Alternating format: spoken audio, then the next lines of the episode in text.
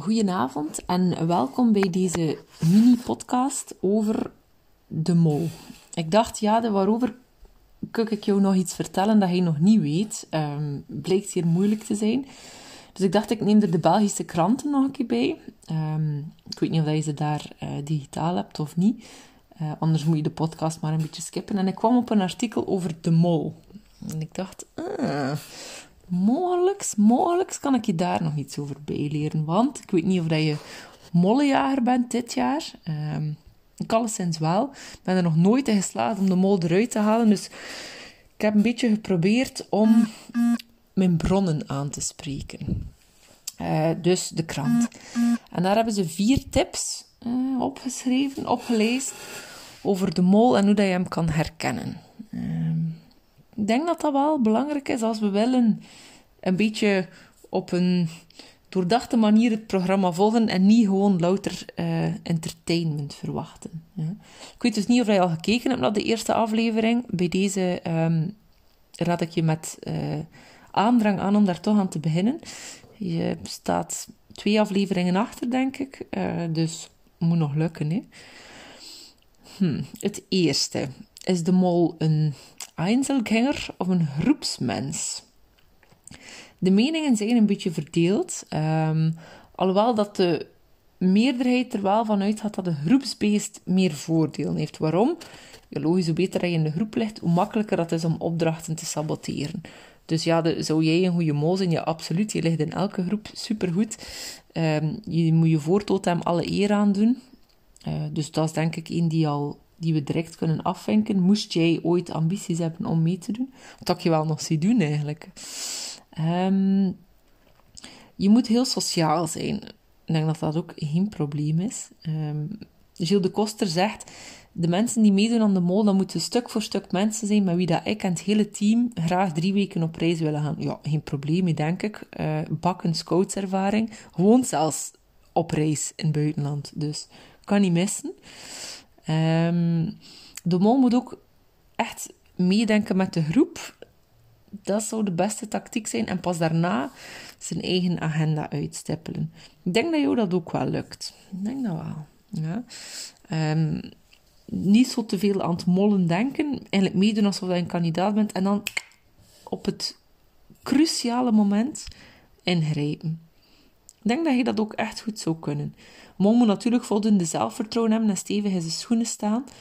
Maar goed, het feit dat je doet wat je doet, dan denk ik is dat ook uh, no biggie. Dus een groepsbeest met een gezonde dosis zelfvertrouwen. Ja, dat zit goed, hè. Nu trouwens, even tussen haakjes. Als je na het beluisteren van dit stukje van plan bent om mee te doen, en je verdient ooit veel geld daarmee, dan krijg ik een percentje. Oh. Het geslacht van de mol. Man, vrouw, onzijdig ben je als vrouw, heb je voordeel? Of, of ben je er beter in omdat je meer psychologische... Psy, amai, ik ben psycholoog en kan het woord niet uitspreken. Psychologische spelletjes kan spelen. Of als man, omdat je dan misschien meer brute kracht hebt en dan voordelen hebt in proeven waar dat, eh, belangrijk is. Dan denk ik, je hebt weer best of both worlds. He. Je bent een vrouw.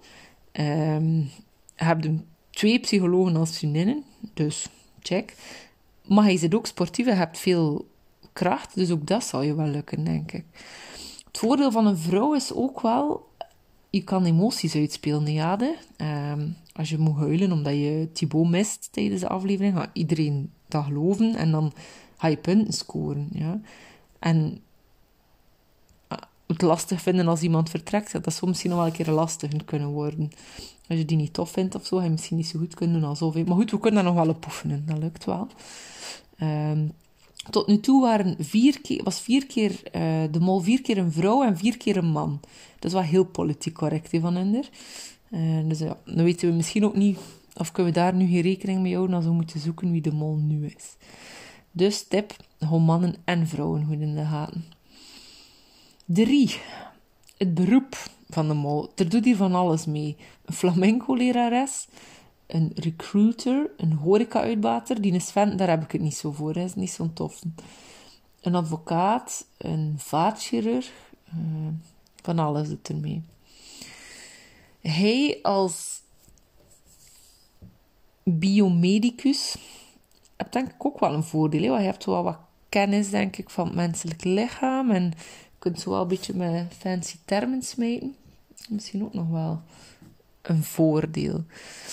Um, ik weet niet hoe belangrijk dat beroep is. Ik denk wat dat belangrijk is, is als je misschien wel een beroep hebt waarbij dat je um, sociaal contact, veel sociaal contact hebt. Ja, dat is misschien net iets minder, of toch zeker nu in corona. Um, ze zeggen ook dat wat dat kan helpen is een beroep waar er een zekere code aan verbonden is, volgens beroepsgeheim of zo van die dingen. Heb je dat met, die studies en zo? Ik weet dat eigenlijk niet. Ja. Moeten ook, en dat helpt ook, zeggen ze, bezigheden zijn die de doorsnee burger vertrouwen geven. Ik denk dat wel, hè. als je zegt ik ben bezig met HPV te bestrijden, dan gaat het de mensen wel vertrouwen heeft.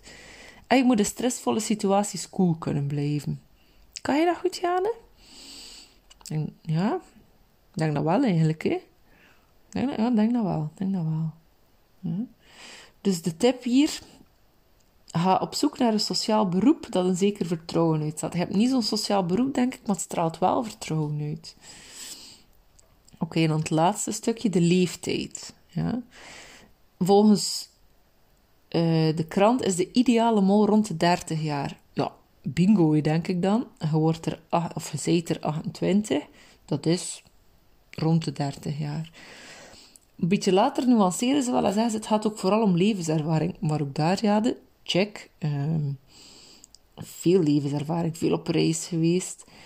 Gewoond, werkt in het buitenland. Veel op scoutskamp geweest. Ik denk dat dat wel snor zit. En dat liegen. Dat zou wel nog een keer moeilijk kunnen zijn, ja. Dat liegen. Zo echt vlak af zeggen nee, ik ben niet de mol. Of misschien moet je gewoon de tactiek omdraaien. En dan iedereen zeggen, ja, ik ben de mol. Kan ook, hè. Um, moeite met fysieke proeven kan een nadeel zijn als je ouder wordt, maar ik zit daar bij jou absoluut niet mee in. Ja. Dus leeftijd, goh, misschien niet zo belangrijk, maar levenservaring en fysieke paraatheid wel belangrijk. Ja, ik denk ja, van de vier punten dat ik net gezegd heb, dat je 3,5 op 4 hebt. Is goed, hè? Maar. En dan om nu te kijken wie dat de mol is. Ik ga, ik gewoon een zotte hok doen. Ik ga gewoon een hok doen. Ja. En als bleek dat ik gelijk heb, dan heb ik toch wel echt een puntje verdiend, denk ik. Ik denk, maar niet zeggen aan mensen dat dat, dat mijn hok is. Ik denk dat. Hmm.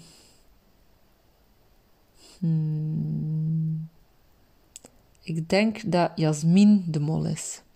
Voilà, ik heb het gezegd. Jasmin is de mol.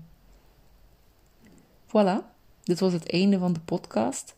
Als je wil abonneren, wil ik gerust na elke aflevering een korte samenvatting sturen. Dan hoef je niet te kijken, dan kan je misschien ook volgen. Gelukkige verjaardag, Jade. Hopelijk tot snel. Bye.